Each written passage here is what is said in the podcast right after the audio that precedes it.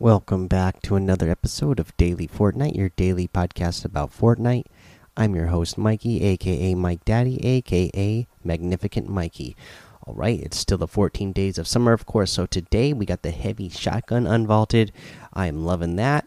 I'm loving that the heavy shotgun is in the game because I love more shotguns, and especially a good one. And the heavy shotgun is definitely a good one.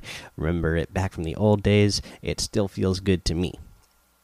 Uh, the other thing we got, uh, well, we were supposed to have uh, the Arsenal LTM and the Team Rumble Lava LTMs in the game today. Unfortunately, they were causing server issues, so they were removed. I didn't even get a chance to play Arsenal, which was the one I was most excited about, so I'm bummed I didn't get to play.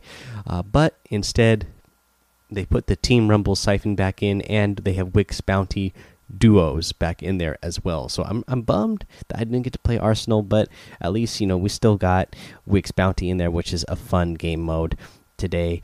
Uh, let's see here. What else? Oh, we got that 14 Days of Summer challenge. So this is pop party balloon decorations to earn the new Sunny Spray, uh, and you have to do five party balloons in total. Now, uh, this this is pretty easy and simple to do because if you remember where I told you to do where you need to dance at the beach parties, that is where the balloons are.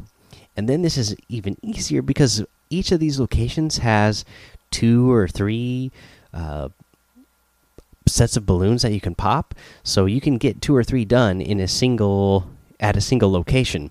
Uh, I did five balloons in a single match uh, just because the you know you can get from one to another pretty quickly, especially if you go to the ones out in uh, the desert area at uh, the the lake that's in H eight, and then the oasis area in H nine. Uh, you go to those; those are pretty close to each other, and again, each of these areas is going to have uh, two to three sets of balloons that you can pop so you can pop five balloons in a single match and have this challenge done in a single match and you get this cool little uh, sunny spray. Uh, it's a cute little spray. That's the sun. All right. That is how you're gonna get that done. That's 14 days of summer. Let's get into a weekly challenge. Uh, for this weekly challenge week eight uh, one of the challenges is to get eliminations outside of named locations. And uh, this was you need to get five total. For this again uh, we still got team rumble siphon in the game right now. I would just go into team rumble because most of the time when you play uh, the the the rumble matches you're not going to be in named locations most of the time. You're going to get a lot of eliminations and a lot of chances to get eliminations outside of named locations.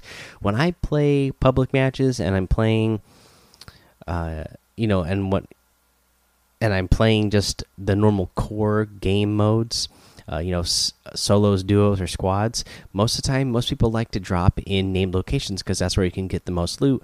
So the the only time you're really going to come across people in unnamed locations is going from one area to the next, and sometimes you know that's few and far between. You're not always going to run run into somebody going into the next location, and this can take a good amount of time. Sometimes, uh, you know, people are rotating when the storm is rotating, so you might be waiting a long time before you actually come across somebody in an unnamed location. In Team Rumble, you should come across people pretty quickly and be able to get it done in a single match. All right, there is your tip of the day for the challenge tip. I'm sorry, that's your challenge. So we're gonna take a little break. We'll come back with the item shop and our tip of the day. Alrighty, guys, let's go over this item shop today. And in the item shop, we have this new item the Heist outfit. Get in, get out, get paid. This guy is, you know, he's ready to go boating. This is the host, I mean, the Heist outfit that we had in the past. You know, the one that has the four separate masks. Only on this one, he is wearing uh, a tiki themed mask. He's got on, you know, a sports blazer, unbuttoned shirt. He's got on some uh, shorts, boat shoes. Yeah, he's ready to go sailing. It looks like to me. He's also got a tiny totem back bling ca carved in the likeness of victory, and uh, yeah, it's a llama in uh, tiki form. So pretty, pretty cool. We got the uh, Bigfoot outfit still in the item shop today. The Camp Cruiser glider we get the uh, this this is one of my favorites, the doggo outfit. Uh, so that's cool that that's back in the item shop. We got the chew toy harvesting tool and the rough wrap. Uh, we got the daydream emote, the whiplash outfit, the munitions expert outfit, the electro swing emote, the icebreaker harvesting tool, and the T pose emote. So, guys, if you can get any of the items in the item shop today, I'd really appreciate it if you use that creator code MikeDaddy M M M I K E D A D D Y in the item shop because it does help support the show. Now, let's get into our tip of the day. And I don't know what it is lately, but man, man, oh man, am I getting more messages than ever for people who are asking if they if I will 1v1 them. No, I'm not going to 1v1 you. Most of the time we see me online, I'm either uh, you know, doing what I'm doing right now. I'm signed into my account because I'm looking at the item shop, but I'm recording the podcast, so I'm not really playing. Uh, I don't play a lot of creative, so I'm not really good at 1v1. So I, I'm not going to spend my the little amount of timing I get each day uh, to 1v1 people. I'm going to play the core game modes because that's what I, I want to play. That's what I most enjoy.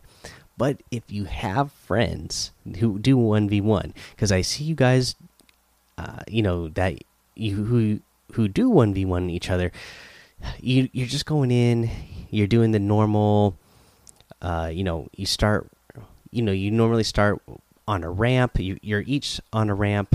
There's a wall in between you that gets opened up, and then you start. Uh, you run past each other and start doing 90s and then go up from there. Well, I'm going to suggest that you guys switch it up a little bit uh, because uh, when you're doing that, I see you guys also doing that with unlimited builds on, and that's good and all. That, you, know you can show off your builds, uh, you know how fast you are at editing and everything. But when you get in a real game situation, it's not really going to help you. You need to start practicing. You and your whoever your friend is that you're one v one with, you guys got to start farther apart. You got to put mat cap on. You actually have to have materials on. That way, you have you might run out of materials if you guys get in a crazy one, um, get in a crazy build off, and nobody has eliminated each other yet you have to have it possible that you might run out of mats. That way, you actually are uh, thinking and being smart about using your builds because you don't want to get in a situation where you're doing these 1v1s all the time with you when you have unlimited materials so you're not thinking about it and then you get into the game in an actual game and you start building like crazy unnecessary and then you end up running out of materials and get yourself in a bad situation because you're so used to doing 1v1s with your friends with unlimited materials on. Uh, so uh, that's that's going to be the tip of the day is to actually do realistic 1v1s not the you know there's you know it's good to practice those and do those. Uh, you can still do those for sure for fun but just to try to improve your game a little bit uh, i would suggest start doing them with you know some actual the materials actually turned on and uh, starting you know in i would I would start. I don't know, maybe six tiles away from each other. Try that out. Uh, you know, a, a, you know, something that's a a good a good distance away from each other, uh, because you know most in, in the actual game you're not going to start right next to somebody without them shooting at you. So this will be a situation where you guys are out in the you know you start out you start off in the open you probably start going to start ramping, but you got you have to be smart about uh, building and ramping towards that person, uh, getting to them without building too high because they're not they might knock your build down. Or if you're going to still try to go high early, you know, really making sure that you are building walls to protect your ramps going up. Uh, you know, just uh, try to put yourselves in situations where you actually have to. Um, use your game sense uh, in these uh, one v one situations that you guys are uh, uh, playing all the time. Alrighty, guys, that's your tip of the day.